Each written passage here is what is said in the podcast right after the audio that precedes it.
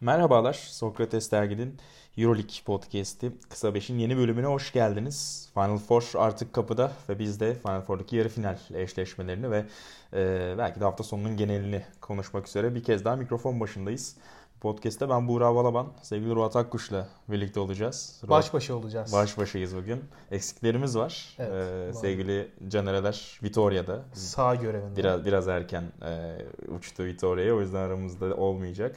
Keza Kaan Demirel o da e, vatan savunmasında e, kendisi askerde olduğu için. Aram, aramızda değil. Final Four'u kaçırıyor.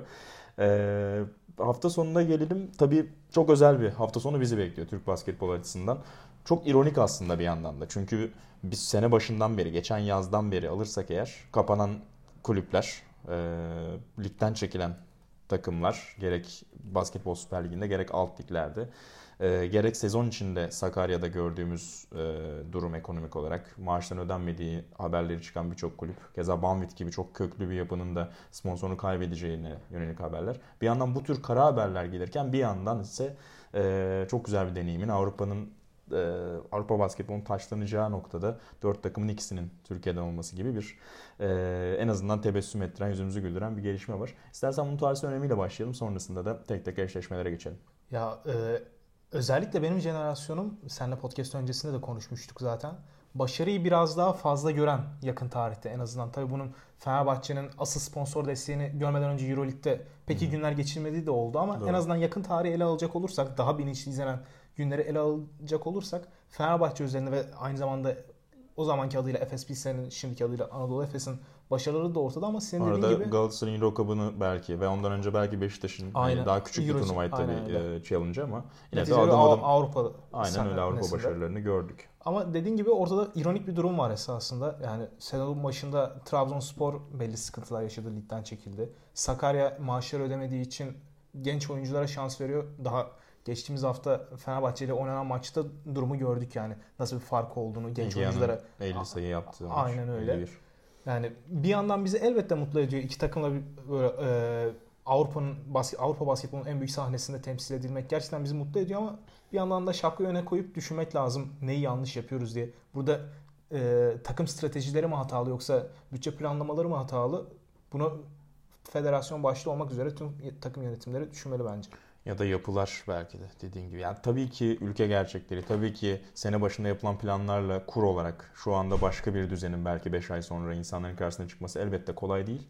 Ama belki de ülke şartlarını değerlendirerek önümüzdeki dönem için o planları da e, birkaç gömlek daha küçükten yapmak gerekiyor belki. Yani sene başında o maaş hesaplarını yaparken. Neyse o belki başka bir podcast'in konusu. Biz yeniden Euroleague'e dönelim.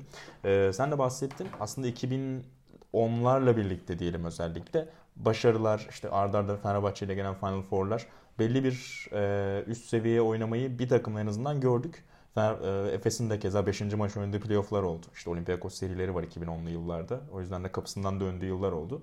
Ama öncesinde mesela Hani benim için düşünüyorum iki takım ki bunu işte bizimden büyük jenerasyonlar da söylüyor. İşte televizyonda anlatırken İsmail Şenol da bahsetmişti örneğin. Hakikaten de çok çok büyük bir paye. Muhtemelen birçok kişinin hayal edemeyeceği e, büyürken bir aşamaya geldik ve iki Türk takımı yarı final oynayacak. Biz de o eşleşmeyle başlayalım arzu edersen. Sene boyunca aslında işte Cumhurbaşkanlığından alalım. Yaz e, aylarında, sezon başında daha doğrusu. Yaz değil ama oynanan maçla başlayalım. Hep böyle bir tek herhalde Euroleague'deki son maçı ayrı tutabiliriz. O biraz erken kopmuştu Fenerbahçe'nin rahat kazandığı maç. Onun dışında işte ligde mesela uzatmaya giden bir maç izledik Fenerbahçe kazanırken. Ee, hem Euroleague'deki ilk maç hem Türkiye Ligi'ndeki ikinci maçta Efes'in geriden gelip kazandığı maçları izledik. Son saniyelere kalan performanslar izledik. Ve e, oynanan 6 maçın 3'ünü Fenerbahçe kazandı. 3'ünü Efes kazandı ve şimdi 7. maç hani belki de playoff'ta da yine finalde ya da karşılaşacak takımlar ama 7. maçın orada olması da hakikaten güzel bir anlam bence. Ya, iki taraf açısından da. Kesinlikle dediğine katılıyorum. Zaten yani bu maç öncesinde her iki takım birbirinin test sürüşünü fazlasıyla yapmış evet. vaziyette. Cumhurbaşkanlığı Kupası finalinden bu yana gelerek. Ergin Ataman da zaten bu maçın öneminin yani bir gün böyle kritik bir mücadelenin denk geleceğini biliyordu. Gerek Türkiye Ligi, Basketbol Süper Ligi'nde olsun gerek Euro Lig'de olsun. Sezon başında zaten bunun açıklamasını yapmıştı. Biz Fenerbahçe Beko'yu yenebilecek bir takım kurmaya gayret ediyoruz diye. Takım mühendisliğinde bunu öne alacaklarını aynen, söylemişti. Aynen öyle ve gelinen nokta en azından yani başa baş gidildiğini gösteriyor. Senin dediğin gibi oynanan 6 maçı paylaştı takımlar. Yani o açıdan keyifli bir mücadele olacak gibi. Yine netice itibariyle yani 3 maç kazanan 4 maç kazanan seri atlar değil de günlük performansın öne çıkacağı bir mücadele olacak. O yüzden koçların savaşı da bir hayli önemli olacak bence bu maçta. Evet yani maç içi müdahaleler, oradaki o telaş, oradaki heyecan anlamında tabii Ergin Ataman uzun bir süre sonra oraya dönüyor. Son olarak Siena'nın başındayken 2000'lerin ortalarında 2004 yanılmıyorsam bir Final Four vardı 2004 ya da 2005. Ama Jelko Obradovic sıklıkla e, oraya oynamayı bilen, orayı sık sık e, aslında sezon takviminde işaretleyen bir koç. Sence bunun da etkisi olacak mı? Yani saha içi müdahalelerde e, elbette Obradovic özgeçmişi çok daha hani Avrupa'daki bütün koçlara oranla daha iyi bir koç ve onun farkı da hissedilecek mi sence maç içerisinde? Ben o derece bir fark oluşacağını düşünmüyorum. Netice hmm. itibariyle her iki koç da yani zaten Obradovic'in burada e, saha içinde nasıl maç içerisinde nasıl müdahaleler yapabileceğini tecrübesini konuşmaya gerek yok ama dediğim gibi Ergin Ataman sezon içerisinde bu takımla neler yapabileceğini gösterdi. Fenerbahçe'ye rakip olabileceğini ve gayet de yenebileceğini gösterdi. Çok üstün olduğu maçlar da oldu. Yani bu tecrübe elbette önemlidir ama netice itibariyle tek maçlı günlük performansa bağlı bir e, platformda oynuyorsunuz Hı. en sonunda. Yani o tecrübe farkının çok büyük bir önemi yok. En azından Ergin Ataman söz konusuysa. Biraz daha oyuncuların üzerine düşecek tabii. diyorsun. Orada da tabii sakatlık haberlerinin bir parantez açmak gerekiyor. Ee, aslında Efes sezon geneli anlamında çok sağlıklı bir sezon geçirdi. Sadece son dönemde bir Motum sakatlığı 4 numarada Moerman'ın yükünü biraz arttırdı ama zaten Motum sağlıklıyken de genelde 30 dakikaların üzerinde çıkıyordu Moerman. Yani onun için sadece ek bir 4-5 dakika geldi diyelim. Onun dışında ana parçalarda çok ciddi sakatlık sorunları yaşamadı Anadolu Efes. Fenerbahçe ise sezonun başından beri sakatlıklarla boğuştu. Sezonun kritik dönemlerinde Veseli'yi sakatlığa kaybetti uzunca bir süre. Geoffrey Lovern başta çok daha kısa sürmesi beklenen sakatlık hala 2-3 ayı hala buldu. Koltuk hala koltuk yürüyor. yürüyor. Ee, ve son olarak da işte Lig'de Datome'nin sakatlığı ve Kalinic'in e, içinde bulunduğu hafif sakatlık soru işaretlerini doğurdu. Bu bence bir anlamda aslında özellikle son birkaç haftadaki kulüp tarafından bu sürecin yönetilişi de bence başarılıydı ve biraz bence baskıyı azalttı. Ya çünkü üst üste 5 kez Final Four'a giden e, bir Fenerbahçe Beko oraya ilk defa gelen ve aslında belki playoff hedefiyle sezona çıkan Efes için çok büyük bir şey bu. Zaten Final Four'a kalmak bu sezonu başarılı kılmak için yeterli. Bu yüzden de baskı biraz Fenerbahçe Beko'nun üzerinde olacaktı bence. Ama şimdi son bir haftadaki sohbetlere bakarsan işte ya zaten Datomeli Lovern kesin yok. Veseli ile Kalinic oynasa bile hazır olmayacaklar. Bu yüzden de aslında Fenerbahçe'nin beklentisi düştü. İşte Efes'in aslında şu an elinde bir fırsat var ve Efes'in geçmesi gerekiyor gibi bir algı oluştu. Bence bu biraz e, hani Fenerbahçeli oyuncuların üzerindeki baskıyı azaltmak için iyi bir yöntem bence. Yani bu hani olumsuz bir durum var elbette sakatlıklardan dolayı ama mental tarafta biraz rahatlatmış olabilir Fenerbahçeli oyuncuları diye düşünüyorum. Sen ne hissediyorsun? Ben sana kesinlikle katılıyorum. Yani önceki sezonlarda yapılan mesela e, genel menajer anketlerini hatırlayalım. Çoğunluğunda Fenerbahçe büyük bir farkla Final Four'da yer alacağı hep öngörülürdü Hı. genel menajerler e, tarafından. E, Euroleague resmi sitesinde geçtiğimiz günlerde bir anket yayınlandı. Yakın tarihlerde sanırsam birkaç günlük. Hı hı. 7 oyuncuya e, Final Four tahminlerini sormuşlar. Sadece bir tanesi Fenerbahçe'nin finale çıkabileceğini söylemiş. O da e, karşı taraftan kim gelirse gelsin şampiyon olacağını söylemiş. Yani dediğin gibi Fenerbahçe'ye karşı biraz tabii ki de sakatlıkların etkisiyle ee, Öyle miydi ya? Ben sanki tam hemen. tersini hatırladım ama bir kontrol edeyim. Senin dediğin de doğru olabilir. Tam detaylı bakmadım ona. Yani Vincent Poirier'in arasında bulunduğu hemen söylüyorum. Yani Poirier demiş ki Efes Real final oynar, Hı-hı. Madrid şampiyon olur. Hı-hı. Aaron White Fenerbahçe, Fenerbahçe demiş. CSK final oynar demiş. CSK şampiyon olur demiş. Ben yanlış hatırlamışım ama. Değil mi? Ha, evet. Aynen. Fenerbahçe'yi şampiyonluk adayı olarak evet, en nihayetinde. Evet doğru. Aynen. İşte burada o, biraz orayı biraz kaçırdım. Burada biraz sakatlıkların etkisi var. Ee, ama yine de mesela oyuncu oyuncu baktığında hani o belki de o tecrübenin de etkisiyle çünkü oraya çıkmanın hakikaten ciddi bir tecrübe olduğunu, oraya oynamanın farklı bir deneyim olduğunu bence oyuncular da düşünüyor. Bu yüzden de diğer oyuncuların adını sayalım. Jordan Mickey, Paul Ribas, Nemanja Gordic, Keith Langford ve Michael Rolla görüşleri sorulmuş e, Euroleague sitesi tarafından Poirier ile birlikte. Bu oyunculardan 5'i Fenerbahçe'nin nefesi geçeceğini düşünüyor. Ve bu bence önemli çünkü az önce koç konusunu sana sordum orada şunu eklemeyi unuttum. Ya bazen aşırı reaksiyondan kaçınmak önemli ve yarı final tek maç 18 yıldır burayı bekleyen bir kulüp ve 10 yıl aşkın süredir burayı bekleyen bir Ergin Ataman gibi bir denklem düşündüğünde atıyorum maçın ilk bölümü Bobo'a üst üste iki şut kaçırdı diyelim. Aşırı reaksiyon vermeli misiniz? Plana sadık mı kalmalısınız? Ergin Ataman genelde reaksiyon vermeyi tercih ediyor. Jelko Obradovic genelde planına daha sadık kalıyor. Eğer hani şut anlamında söylüyorum bunu. Şut kaçabilir Ama siz tabii ki Obradovic'in istediği savunma hamlelerini ya da hücumdaki o hareketliği sağlamazsanız elbette kenara gelebilirsiniz. O azarı işleyebilirsiniz. Ama şut girip girmemesi biraz yani hani bir sonraki pozisyonda yine doğru hücum yaptığınızda o şut girebilir o aslında. biraz daha günlük performansa dayanmış. Yani siz sistemin dışına çıkmadığınız zaman, Aynen kendi öyle. planınıza sadık kaldığınız zaman yani en basitinden dinleyenlerin birçoğu hatırlayacaktır. Berlin'deki Final Four hatırlayalım. Mesela. Fenerbahçe CSK finalini hatırlayalım. Hı hı. 20'li farklara çıktı. Ee, 20 sayı farka çıktı maç. Hı hı. Ama Fenerbahçe belki farklı kartları oynadı. Bobby Dixon kartı olmak üzere mesela. Topu ona emanet etti belki ama kendi oyun planından asla ödün vermedi. Burada da o önemli olacak. Çünkü en nihayetinde siz tek maç üzerinden değerlendiriliyorsunuz. Yani bu çok adil olmayabilir. Doğru. Sizin kendi sisteminizi ortaya koymak açısından. Senin de dediğin gibi belki çizdiğiniz setler sonucunda üst üste 2-3 hücum boş şut kaçabilir. Boboa kaçırabilir. İşte e, oynarsa Kalinic, Guduric vesaire kaçırabilir. Sizin sisteminiz tam olarak istediğiniz gibi sonuç vermeyebilir doğru işlese bile ama o plana sadık kalmak en nihayetinde bir yerde sizi doğru noktaya taşıyacaktır. En azından başa baş noktaya taşımanızı sağlayacaktır. Evet ya benim kafamdaki şüphelerden biri o mesela Efes tarafında. Yani eğer işler kötü başlarsa Argentaman'ın reaksiyonları ne olacak? Ee, belki bu savunma ayarlamaları olarak da düşünebiliriz. Atıyorum. Bobby Dixon 2-3'lük atarak başlarsa bir anda ona hani perdelerde ikili sıkıştırma getirir mi? Çünkü bu aşırı reaksiyonlar takımın bir anda Fenerbahçe Beko'nun 4'e 3 hücum etmesini Bobby Dixon topu elinden erken çıkarabildiğinde getirebilir ve bu bir anlamda aslında normalde Efes'in başına bela olmayacak bir durumun ya da Fenerbahçe'nin avantajına olmayacak bir durumun bir anda avantajına dönüşmesi haline gelebilir. Onları izlemek güzel olacak hakikaten. O baskı ortamında, o stres ortamında, Final Four sahnesinde. Çok doğru söylüyorsunuz. Söylediğiniz tarzda bir senaryo olursa yani bu Bobby Dixon olmak zorunda değil. Tabii ki Kostas- Guduric olabilir, Guduric Sulukas olabilir, olabilir. Sulukas olabilir. Yani böyle bir durumda garda ikili sıkıştırma getirmeyi tercih ederseniz Fenerbahçe Melli'ye sahip. Melli ligde belki de bu bahsettiğin 4'e 3'ü en iyi oynayan 3 oyuncudan İyi birisi. pasör. Kesinlikle göre. üçlü tehdidi var.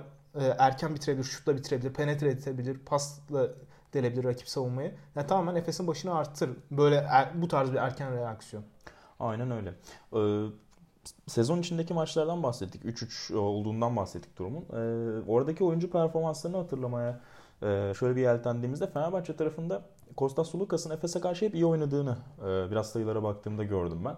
E, sezon ortalamalarının üzerinde geçirmiş e, hücum tarafındaki e, ortalamalarını Sulukas. 16.8 sayı, 5.8 asist ortalaması var e, Anadolu Efes'te oynadığı maçlarda. Hem lig hem Euroleague'den bahsediyorum burada.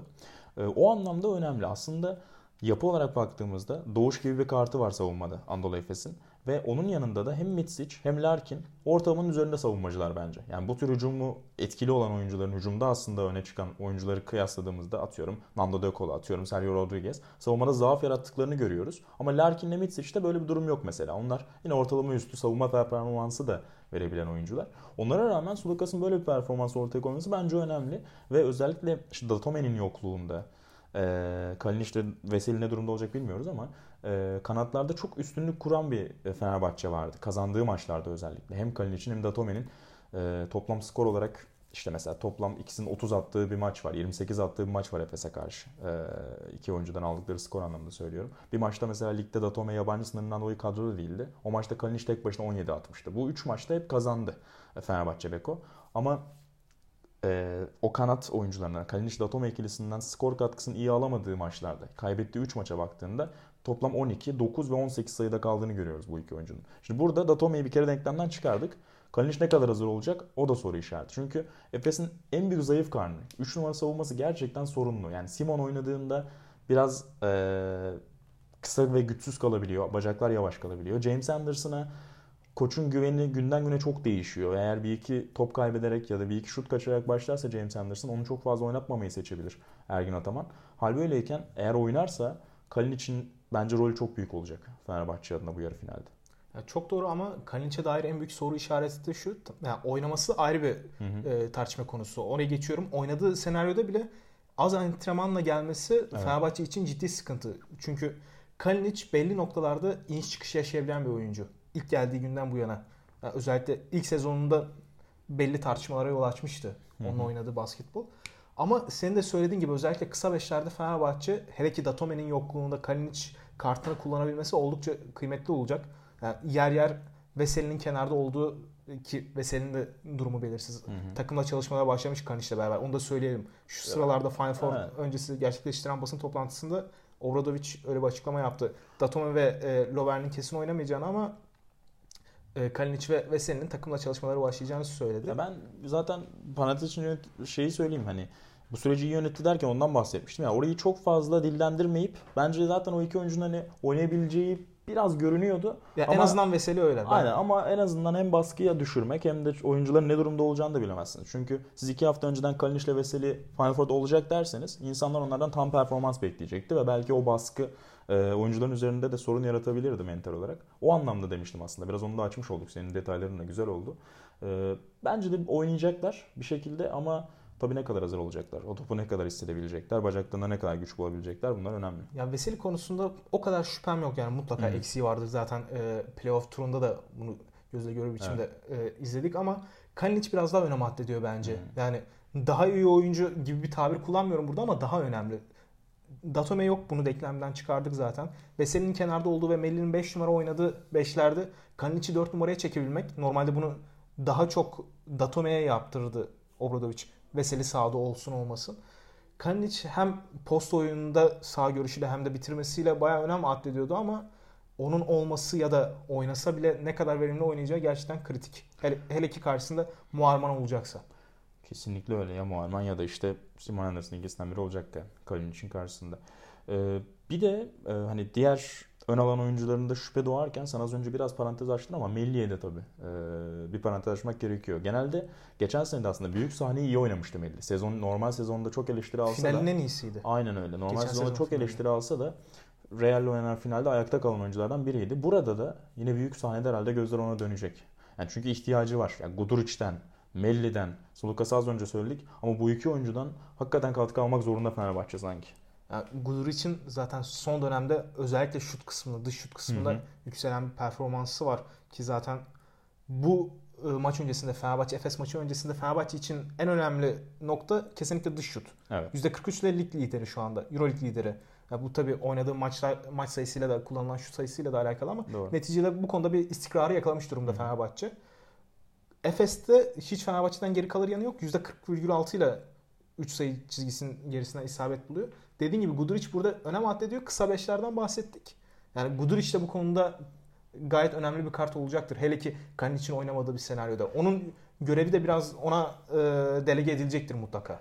Doğru. Yani güzel söyledin. Çünkü yer yer mesela Jelko Obradovic'in Kalinic'i 5'e çekip öyle bir kısa diyelim ya da birbirine switch'e çok uygun bir 5 ile parkede kaldığı dönemler biliyoruz. Ya ben bu iki takımın eşleşmelerini sene boyunca takip ederken o konuda çok keyif aldım. Yani iki koç da çok hani böyle farklı olabilecek şeyleri çok güzel denediler. Zaten Obradovic sık sık yapar ama Ergin Ataman genelde A planına çok sadık kalırdı. Mesela ligdeki Efes'in geri dönüp kazandığı maçı hatırlayalım Ataköy'deki. Orada çok ilginç bir yapı vardı mesela. Bir ara Sertaç, Dunstan ve e, Moerman yanılmıyorsam. 3 uzunla bir alan savunmasına döndü mesela Ergin Ataman ki sene boyunca hiç görmediğimiz bir yapıydı.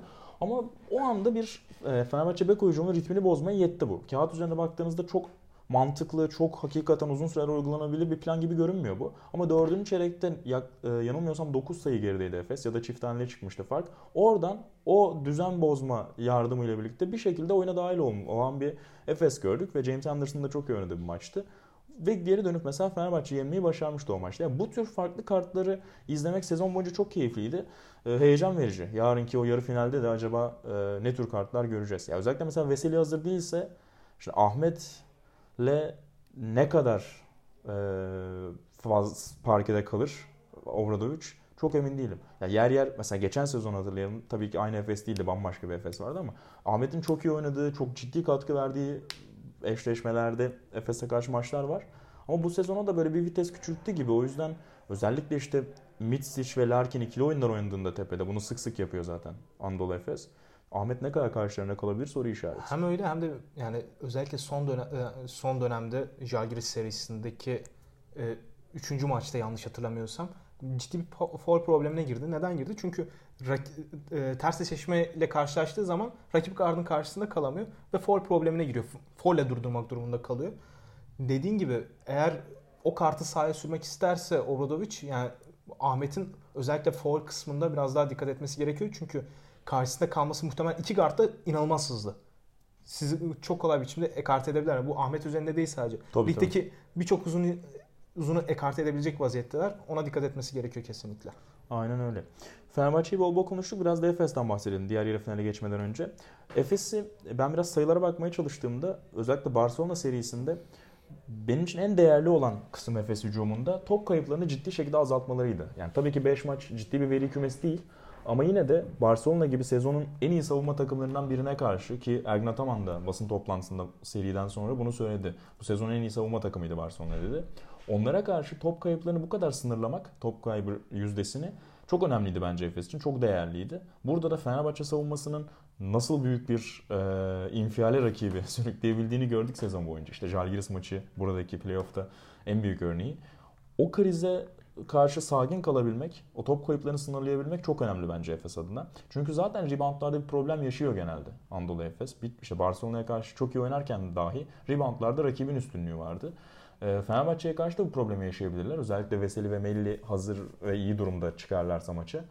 E, o yüzden de zaten reboundda rakibe fazla pozisyon imkanı veriyorsunuz. Bir de top kaybı yaparak kendi pozisyonlarınızı eritirseniz eğer e, o üretkenliğe cevap vermek çok zor olabilir Efes adına. O yüzden yine top kayıpları çok önemli olacak bence Efes hücumunda. Kesinlikle ve yani baktığımız zaman Efes ligin en çok pozisyon en çok pozisyona giren, en çok pozisyon kullanan dördüncü takımı şu anda hala hazırda. Böyle bir senaryoda top kayıplarını minimize etmek çok daha kıymetli hale geliyor. Netice itibariyle bu kadar imkan bulup aynı zamanda top kayıplarını artırırsanız fazla top kaybı yaparsanız bu sefer sizin kontağınız kontağı kapatabilirsiniz bir anda. Bunu sezon içerisinde özellikle Mitz için zaman zaman evet. yaşadığını gördük. Yani burada seninle defalarca konuştuk. Mitz için yaptığı tercih hataları yer yer evet. ve sonrasında Ergen Ataman'ın ona çıkışlarını burada sürekli konuştuk. Hı. O dediğin gibi büyük bir önem addediyor. E, dediğin gibi kritik olacaktır ve Fenerbahçe yani özellikle Jalgiris serisinin ilk maçında yani rakibi tamamıyla bozguna uğrattığını görebildik. Doğru. Tekil olarak baktığımız zaman Sulukas ya da Bobby Dixon çok çok iyi savunmacılar değil ama Fenerbahçe o takım olarak topa baskıyı gayet iyi yapabiliyor. Siz böylesine bir maçta eğer Larkin ya da Mitsic ya da yer yer diğer oyuncuları sahaya atacaksa Ergin Ataman tercihleri doğru kullanmazsanız Fenerbahçe bunu çok rahat cezalandırabilir. Hele ki yani görece daha dezavantajlı bir durumdayken bir anda bir sıfır öne geçebilir yani. Ee, Efes adına sezon boyunca e, izlediğimiz ana unsurlardan biri de çizgiye çok fazla gitmediğiydi Anadolu Efes'in. Bu özellikle Larkin özelinde Barcelona serisinde biraz değişti. Özellikle e, kaybedilen yanılmıyorsam dördüncü maçta çift tanede miktarda çizgiye gitmiş Shane Larkin. E, servis atışlar e, anlamında galiba ligin en yüzdeli atan takımıydı bu sene. E, Ceska ile birlikte Anadolu Efes. Evet o anlamda hatta. İşte o baskılı savunmada mesela o guardların çabukluğunu kullanıp o faulleri almak, biraz o kolay sayı imkanına ulaşmak da bence önemli olacak. Çünkü Barcelona serisinin 5. maçında olduğu gibi çok çok iyi üçlük attığınız, çok iyi bir şut yüzdesiyle maçı tamamladığınız maçlar olabilir ama bunlar her gün olmaz. Yani orada ne olursa olsun kendi evinizde değilsiniz. Yeni bir salondasınız. Evet birkaç gündür orada antrenman yapıyor oyuncular ama ısınamayabilirler. Çok doğal. Ya da o gün şut ritminiz, o atmosfer, o Final Four heyecanı ile birlikte ki... Kendi evinde olsan bile yani ısınamayabilirsin. Aynen öyle. Ki Final Four e, oynayan daha önce bir Dunstan var, bir Mitsic var Efes kadrosunda. Fenerbahçe'ye baktığınızda ise bu takımın %80'i Final Four'lar gördü geçtiğimiz senelerde. Tek de değil birçok kez. Bu yüzden de şutlar girmediğinde hücumda geri düşmemek adına o basit sayılara e, ihtiyaç var. O yüzden de serbest atış çizgisine gitme oranını biraz arttırmayı yoklayabilir açıkçası bana kalırsa. Anadolu Efes özellikle de Larkin üzerinden tabii. Ve bunu, bunu yapmak istiyorsa bir numaralı yapması gereken de kes, yapılması gereken de kesinlikle rakip savunmayı delmek. Evet. Yani Fenerbahçe'nin son birkaç sezondur belki de yaşadığı en büyük problem buydu. Tepe oyunlarında. Kesinlikle. Da. Tepeden oynanan ikili oyunlarda sık sık deniliyordu. Bu geçen sene oynanan Baskonya serisinde de böyleydi. Yani belki görece kolay bir rakip almıştı Fenerbahçe mesela o seride ama en çok yaşadığı sorun oydu. Keza bu sezon da yer yer bu durumu yaşadı. Özellikle oynanan Kimki maçında. Yani, ve Efes bu ikili oyunları oynayabilecek malzemeye yeterince sahip. Hı hı. Gerek Mitsic olsun gerek Larkin olsun. Uzunu çağırdığı zaman zaten e, top hakimiyeti çok kuvvetli oyuncular ve perde gelen oyuncular da genelde iyi oyuncular oluyor. Muarman geliyor, Dunstan geliyor, yer yer Plyce geliyor.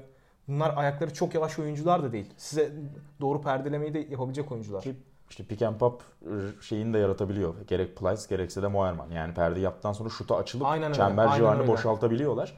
Uzun kısanın üzerinde kaldığında bir anda Moerman'dan boş üçlük görebilirsiniz karşınızda. Ki bu tehditlere sahip Efes. bu tarz söylediğim bir senaryo hele ki maçın başında gerçekleşirse çok daha farklı bir maç izleyebiliriz. Buna Fenerbahçe'nin daha erken önlem alması gerekecek. Çünkü yani sezon içerisinde bu yani çok fazla değildi elbette ama Dunstan'ın da zaman zaman köşelerden veya tepelerden tepe, Birkaç tepeden denediği denediği ve zaman zaman soktuğu da oldu. Yani bu kritik olacak hakikaten. Yani çünkü az önce de söyledim 3 sayı yüzdesi büyük bir önem addediyor her iki takım içinde.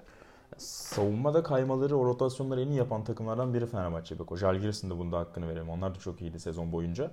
Ee, ama Fenerbahçe başka bir seviyede. Birlikte oynama alışkanlığıyla da birlikte. Bu yüzden de işte hem Mitsic'in hem Larkin'in o top trafiğini ne kadar pürüzsüz sağlayabilecekleri önemli. Çünkü savunmada yani bir ikili sıkıştırma geldiğinde gerek kısaya gerekse de uzuna kaymaları en iyi şekilde yapsanız dahi bir noktada belki harika bir şut bulamayabilirsiniz ama iyi bir şut her zaman sizi bekliyor. Ama onu bulmak, o baskı altında o süreci yönetmek çok kolay değil. Bakalım nasıl başaracak, o yükün altından nasıl kalkacak. Efes kısaları onu da söylemek lazım.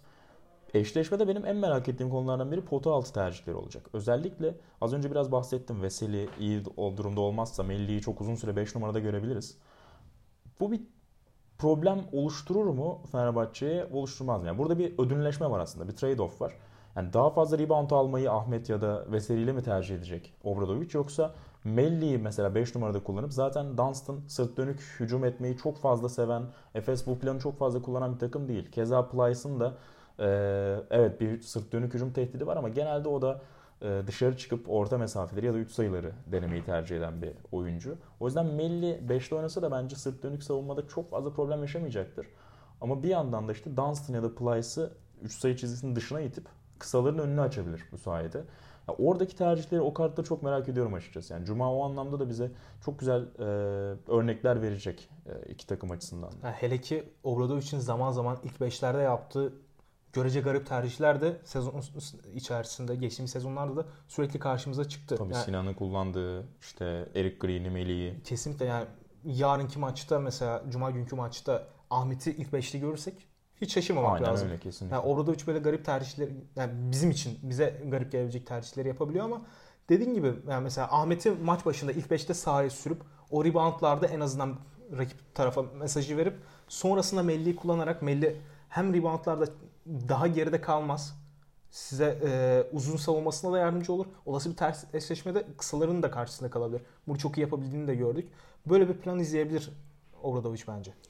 Evet ya ve X faktör olarak da herhalde Eric Green burada bir e, ihtimal olarak duruyor. Çünkü sezon boyunca çok hazır olmadığını, çok işin içine giremediğini gördük ama playoff'ta mesela özellikle işte son maçta çok çok iyi oynadı zaten Fenerbahçe takım halinde. Ama Eric Green de gayet iyiydi. İşte arada birkaç maçta da aynı Jalgiris serisinde artık hani o işin içine girdiğini. Çünkü önceki aylarda biraz bir eğreti duruyordu. Skor attığı maçlarda dahi galiba Olympiakos maçı ya da Panathinaikos birinden birinde çok iyi oynamıştı. Ama orada bile biraz farklı bir hani takım bir şey oynuyor Eric Green başka bir şey oynuyor gibiydi. Ama artık biraz o denklemin o döngünün içine girmiş gibi Green ki özellikle işte Datome yokken birkaç oyuncu eksikken Fenerbahçe'de sanki Green'in de o skor katkısını en azından bir çift taneyi almak isteyecektir Obradovic. Bana öyle geliyor. Yani çok doğru. Yani netice itibariyle siz ekstra bir karta ihtiyaç duyacaksınız. Fenerbahçe ilk karşılaşmada da ihtiyaç duyacak. Olası bir final eşleşmesinde de ihtiyaç duyacak ama benim en çok şüphe duyduğum şey Eric Green'in biraz daha mental kısmı. Yani Fenerbahçe hmm. sahada en iyi oynadığı dakikalarda bile Eric Green görece düzen dışı şutlar seçmeyi seven bir oyuncu. Hmm. Yani hemen perdeyi çağırıp üçlü çizgisinin iki adım içerisinden şut kullanmayı seçebiliyor. Yani bu Obradovic'in zaman zaman Amerikalı guardlarla yaşadığı problemlerden birisi bu aslında. Yani o açıdan biraz e, sıkı, sorun teşkil edebilir. Her iki yani sürekli bunu dile getiriyorum ama bu gerçekten çok önemli. Günlük performans önemliyse. Çünkü üstte iki hücum Eric Green'in böyle harcadığını düşünürsek sizin planınız bir anda en azından ritminiz bir anda yok olmuş olacak. Doğru. Ee, ve de son olarak da yani eğer Melli'yi 5'te kullandığı denklemler görürsek Fenerbahçe'nin acaba cevap olarak Muharman'ı bu sefer 5'e çekip kısa bir e, dizilim dener mi Ergin Ataman? Bu da mesela ilginç bir hamle olarak, farklı bir yol olarak, farklı bir rota olarak. O maçın senaryosuna göre değişebilir kesinlikle. Yani Melli'nin 5'e çekildiği senaryodan evet. bahsettim. Yani 4 numaraya kimi koyacağını Obradovic'in veya 4 numaraya koyduğu oyuncu belki forward problemine girecek. Bu Doğru. maç içerisinde oluşacak senaryolara göre değişebilir ama ben Dunstan'la kalacağını düşünüyorum. Çünkü Dunstan'ı siz tepeye çekebilirsiniz ne olursa olsun. Yani bu çok Tabii. ideal bir senaryo değil ama en azından Dunstan'ı biraz daha savunma yönünü kullanarak Fenerbahçe'nin oyuncu eksikliğini bir avantaja çevirebilirsiniz. Çünkü burada sakatlıklardan bahsediyoruz. Datome'nin olmadığını, Kalin için şüpheli olduğunu Kalin için e, söylüyoruz. Kalin için de oynamadığı senaryoda Melli'yi biraz plan dışında bırakmak Efes'in çok daha işine gelecektir bence. Bana da öyle geliyor. Ee, var mıdır eklemek istediğin bu eşleşmeyle ilgili atladığımız, konuşmadığımız? Yok ya her iki takıma da başarılar dilerim. Aynen yani öyle. Evet. En nihayetinde bir Türk takımı finalde olacak. Aynen. Fenerbahçe'nin 3 yıldır başlattığı seri bu yıl ya Fenerbahçe ile yine ya da Efes'le 4. yıla taşınacak ki bu da yani Avrupa sezonunun son gününe bir temsilci taşımak özel. Yani bu şu an söylemesi kolay belki ama aylarca süren o mücadeleyi takımdaki herhangi bir isme, sağlık görevlisine, masöre, iletişim sorumlusuna kime sorarsanız sorun hakikaten ciddi bir efor olduğunu e, ve buraya gelmenin, Mayıs ayına gelmenin hakikaten de kolay olmadığını Ki yeni sistem, herkes söyleyecektir. Yeni sistemde çok daha zor bu Aynen yani. öyle. Sürekli yani e, oynanan aynen öyle çift maç haftaları yani gerçekten çok zor. Dileriz finale çıkan takımımız e, mutlu sana da ulaşır en Ki nihayetinde. koçlar da birbirleri hakkında benzer şeyler söylediler. Ergin Ataman e, gönül ister ki Anadolu Efes final oynasın ama eğer kaybedersek Fenerbahçe bir konu şampiyon olmasını isterim dedi. Jelko Obradoviç de bu havanın çok olumlu olduğunu, kendisinin de keza yine benzer düşünceler taşıdığını söyledi. E, geçtiğimiz hafta içerisinde verdikleri röportajlarda. Bu yüzden de umarız böyle sükunet içinde keyifli basketbol konuştuğumuz ve sonunda da finale çıkan tarafın kazandığı bir hafta sonu izleriz. Peki finale çıkan taraf kazanmak için kimlerle oynayacak? Biraz da o eşleşmeyi konuşup e, sonrasında podcast'i kapatırız. E, olan şüpheliler var yine karşıda tıpkı Fenerbahçe gibi. Geçtiğimiz yıllarda Final Four'da sık sık gördüğümüz CSKA Moskova ve Real Madrid karşı karşıya gelecek. Normal sezonda oynadıkları iki maçı da CSKA Moskova kazanmıştı. Ama takımın düzen içinde kalması eğer mevzu bahisse, oyuncuların plana daha sadık kalması mevzu bahisse bana her zaman Real daha güvenilir bir seçenek gibi geliyor. Ee, playoff'ta normal sezon planına göre kabuk değiştiren bir CSKA gördük. İşte normal sezonda ne konuşuyorduk? Corey Higgins ve Clyburn'un aslında önderliğe geçtiğini, biraz daha savunmanın, o fizik gücün ön plana çıktığı katı bir CSKA görüyorduk. Dekola ve Sergio Rodriguez'in rollerinin biraz sınırlandığını, hatta bu yüzden oyuncuların da çok memnun olmadığını bolca konuştuk. Ama playoff'ta ne oldu? Fernando Boes arenada, playoff'un da oynanacağı, şey, Final Four'un da oynanacağı arenada e, Nando De Cola'dan inanılmaz performanslar izledik. 1.28, 1.29 attı. Hangi CSKA'yı göreceğiz? Hangi yapıyı göreceğiz? Benim aklımdaki ilk soru bu. Bu eşleşme öncesi. Yani e, özellikle yakın zamanda e, Euroleague'de bu sezonun en iyi 5'i de açıklandı biliyorsun. Hı hı. Ve o 5'te biraz da Enteresan kararlar var. tartışmalı bir kararla Nando De Colo da en iyi 5'e seçildi. Yani- Rezalet bir karar. Bence. yani Yani öyle sezon tabii, 5 öyle seçiyorsak. tabii. Ama yani bu e, ünvan onu kamçılamış mıdır? Bence kesinlikle kamçılamıştır. En nihayetinde Corey Higgins'i mi kamçılamıştır yoksa? Bence o da olabilir yani mesela. bu ama tersi de vurabilir yani. Mental olarak çok şey geçirebilir. Tamam yani hiçbir zaman belki de Higgins için diyorsun aynen? Higgins Evet. için yani hiçbir zaman CSK'nın bir numaralı adam olmadı. Şey açısından söylüyorum yani. E, Kart viziti olarak. Aynen öyle. Takım lideri olarak olmadı ama sezon içerisindeki performansı zaten burada sürekli konuştuk. Yani bu perf- e, bu mentaliteye çok rahat ulaşabilir bence Higgins. Yani ben sezon boyunca bu takım belki de en iyisiydim. Hem böyle bir ünvan verilmedi bana. Yani Hı hı. bence kesinlikle hak ediyordu bu arada. Doğru. Üzerine üstlük e, Nando De Colo'nun playoff'un son iki maçında gösterdiği performans. Üzerine bir de en iyi beşe seçilmesi. Ya biraz ters tepebilir tabii ki. Hele ki Corey Higgins'in oyunun iki yönünde çok iyi oynadığını zaten burada e, tartışmaya gerek yok. Dekola kısmına gelecek olursak dediğim gibi yani büyük yıldızlar büyük sahnelerde oynamayı sever. Bu gayet normal ama karşısında da hiç kolay bir rakip olmayacak ve kısa savunması yönden de yani bayağı sıkıntıya düşecektir CSK. Kendi e, kendi kısalarını çok iyi savunacaktı. Rakip kısaları çok iyi savunacaktır Real Madrid. O açıdan bir sıkıntı yaşar diye düşünüyorum. Yani sezon içerisinde normal sezonda gördüğümüz CSK'yı görmemiz bence daha muhtemel Real'in elindeki kartlara bakarsak.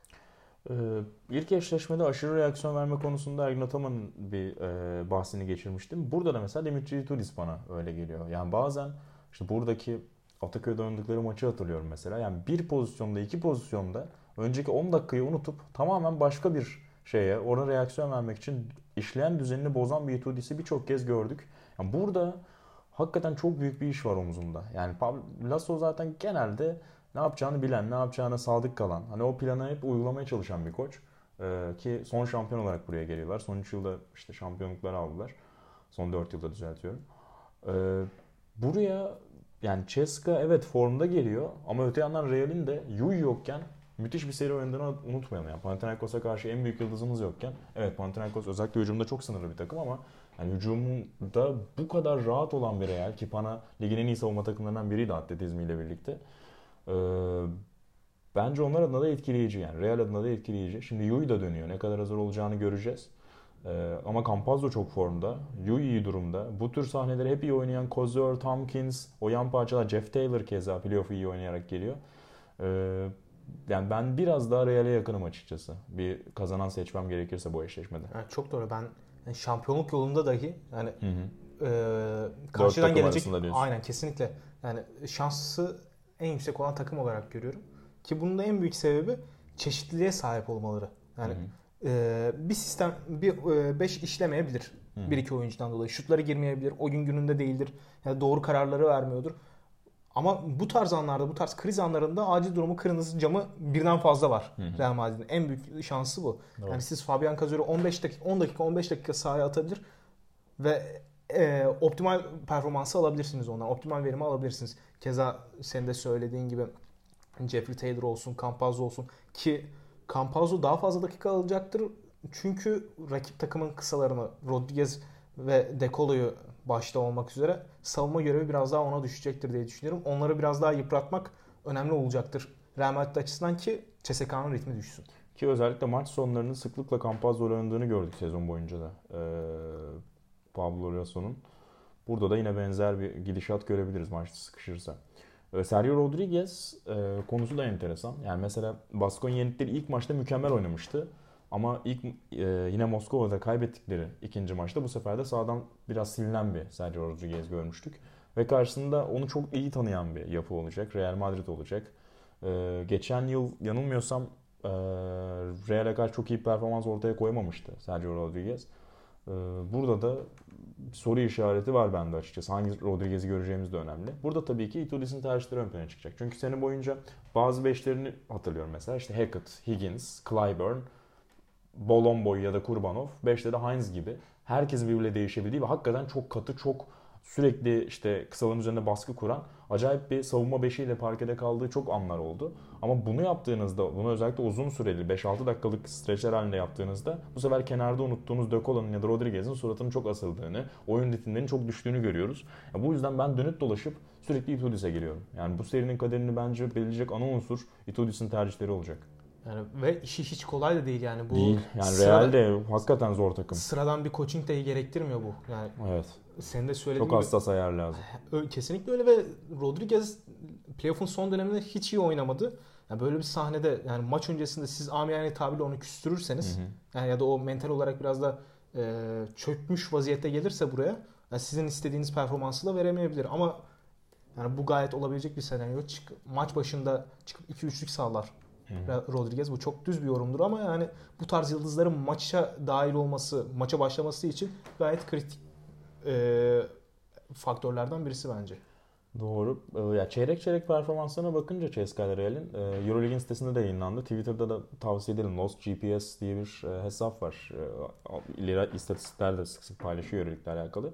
Onun bir araştırmasını Euroleague kendi sayfasından da yayınladı. Orada çok ilginç bir durum var. Yani Real'in maçları hakikaten çok kötü başladığını gösteriyor ama sonrasında geri gelmeyi bir şekilde başarıyorlar. Hatta toplam performanslarına baktığında ilk çeyrek performanslarını sadece rakiplerine oranla artı 9 yaz, yazabilmişler ki hani Final Four yapan iyi takımlarından birinden bahsediyorsak ligin bu çok enteresan bir durum hakikaten. Ama özellikle işte kritik anları işte ikinci çeyrekte rotasyona girdiğinde az önce bahsettik. Yan parçalarından çok iyi katkı alan bir takım Real. Rakipler rotasyon yaptığında ikinci beşleri avantaj sağlıyor Real'in. Ama Final Four gibi işte playoff'ta da bunu söyleyebiliriz. Tek maç atmosferinde rotasyonlarınız kır- sıkıştığı biraz atmosferlerde Karşınızda o kadar da rotasyon oyuncusu bulamayabilirsiniz. İşte zaten Efes'ten bunu ilk örnek olarak verebiliriz. 6-7 kişiyle genelde maçları geçiriyor artık playoff'ta. Ergin Ataman ki burada da yine benzer senaryolara gittiğini görebiliriz. Ceska biraz daha o konuda e, fazla oyuncu kullanıyor. E, Ama acaba bu avantajı hani rakibin rotasyon oyuncularına karşı e, Real'in yan parçayla kurduğu avantaj burada biraz silinebilir mi? Bir soru işareti kafamda. Yani Yani- çeyrek artılarına baktığımda Real Yani- Madrid'in. 5 seçimlerini, maç içerisindeki rotasyon seçimlerini kesinlikle takımların reboundları etkileyecek bence. Rebound Hmm, yüzdeleri etkileyecektir. Yani çünkü her iki takım da e, gayet iyi rebound olan takımlar. Real ligin en çok rebound olan Hmm. ikinci takımı CSK 4. sırada. Daha önemlisi Real Madrid kendi potasındaki reboundların %72'sini al- 72'sini alabilir. Bu, Acayip bir şey. bu iyi bir yüzde. Tavares tabii orada. Ama yani e, CSKA da ligin en çok rebound, e, hücum reboundu alan takımı. Yani Hı. bir e, harp izleyeceğiz açıkçası rebound kısmında. Ve yani burada ikimiz de ortak fikre sahip olduğumuz konu şu. CSKA görece biraz daha dezavantajlı.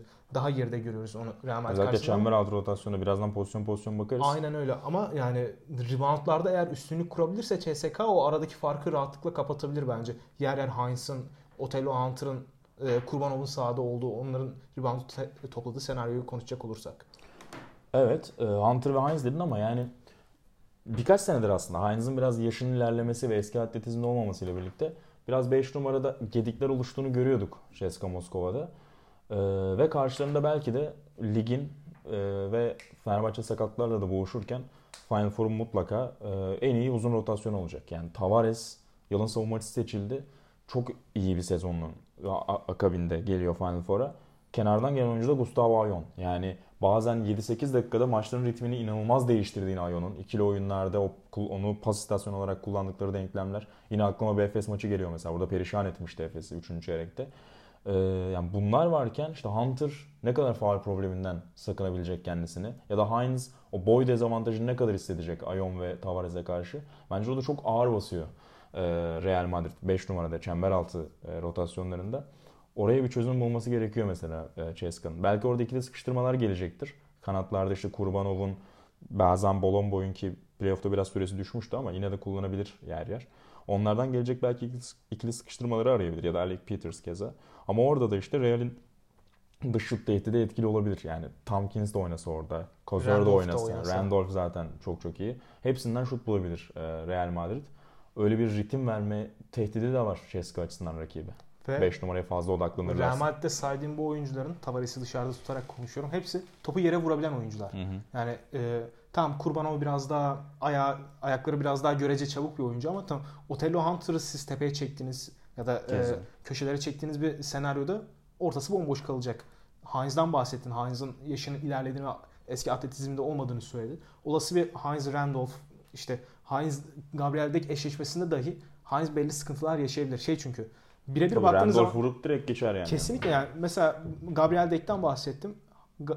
Kyle Heinz'la Gabriel Deck'in eşleşmesinde birebir olarak baktığımız zaman Heinz'in üstün olabileceğini söyleyebilirsiniz. Bu gayet normal Hı. bir yorum olur ama Heinz sadece Deck'le eşleşmeyecek. Randolph'la eşleşecek. E, Yer yer kısalarla eşleşecek. Tompkins'la eşleşecek. Diğer kısalarla eşleşecek. Yani yıpranacağı bir maç onu bekliyor. En büyük Evet. sıkıntısı o. Aynen öyle. Ona ne kadar kalacak? Belki yer yer işte Alec Peters acaba 5'te dener mi? Hani en azından hücumda rakibin uzunlarına sorun yaratayım diye. Ama orada da işte Tavares'i ne Ha, yapacaksınız? ezer geçer yani muhtemelen. Ama işte orada belki bir ödünleşme gidebilir. Tamam ben Tavares'ten yiyeyim smaçları ama en azından dışarıda da Alec Peters'ı ben dışarıda bırakayım.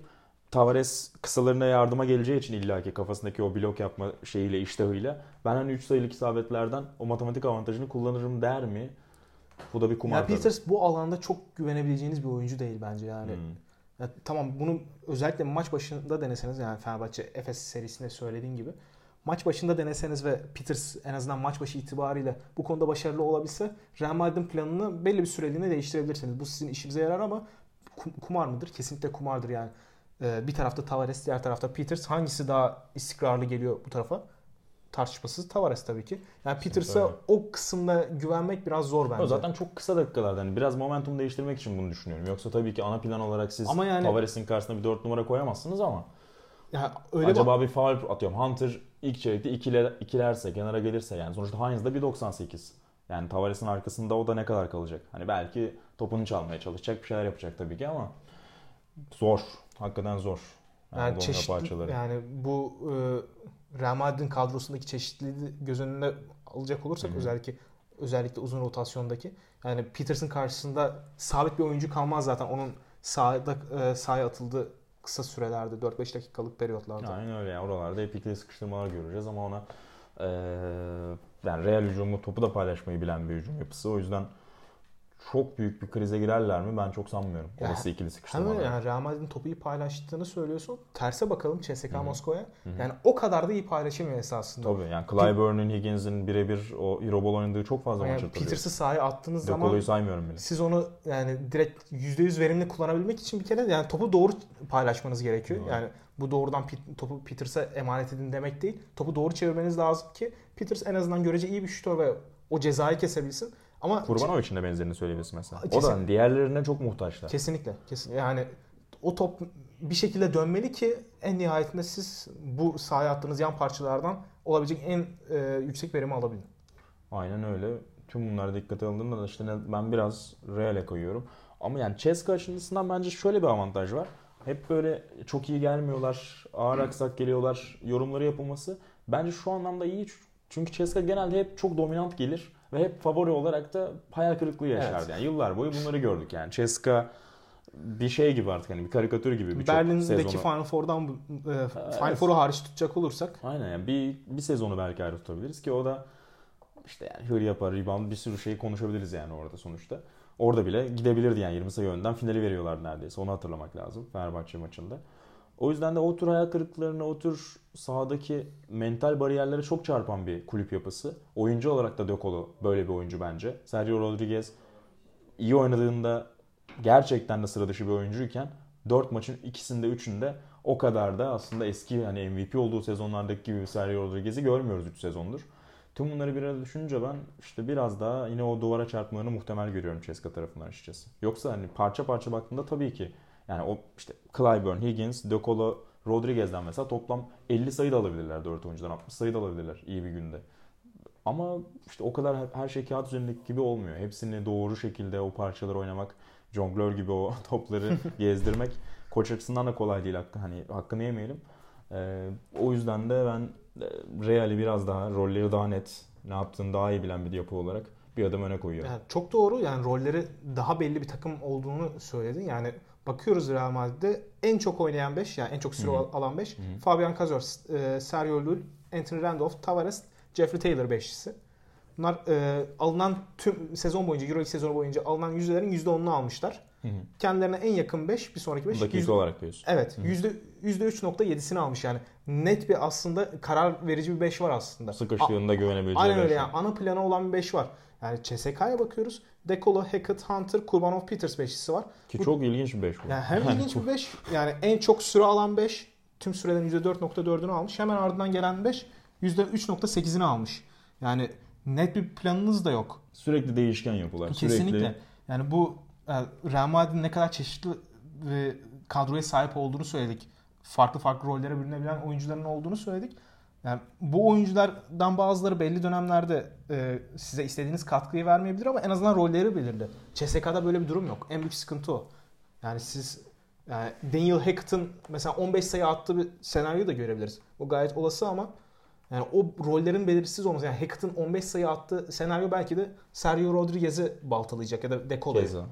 Yani bu çok kritik. Özellikle işin coaching kısmında.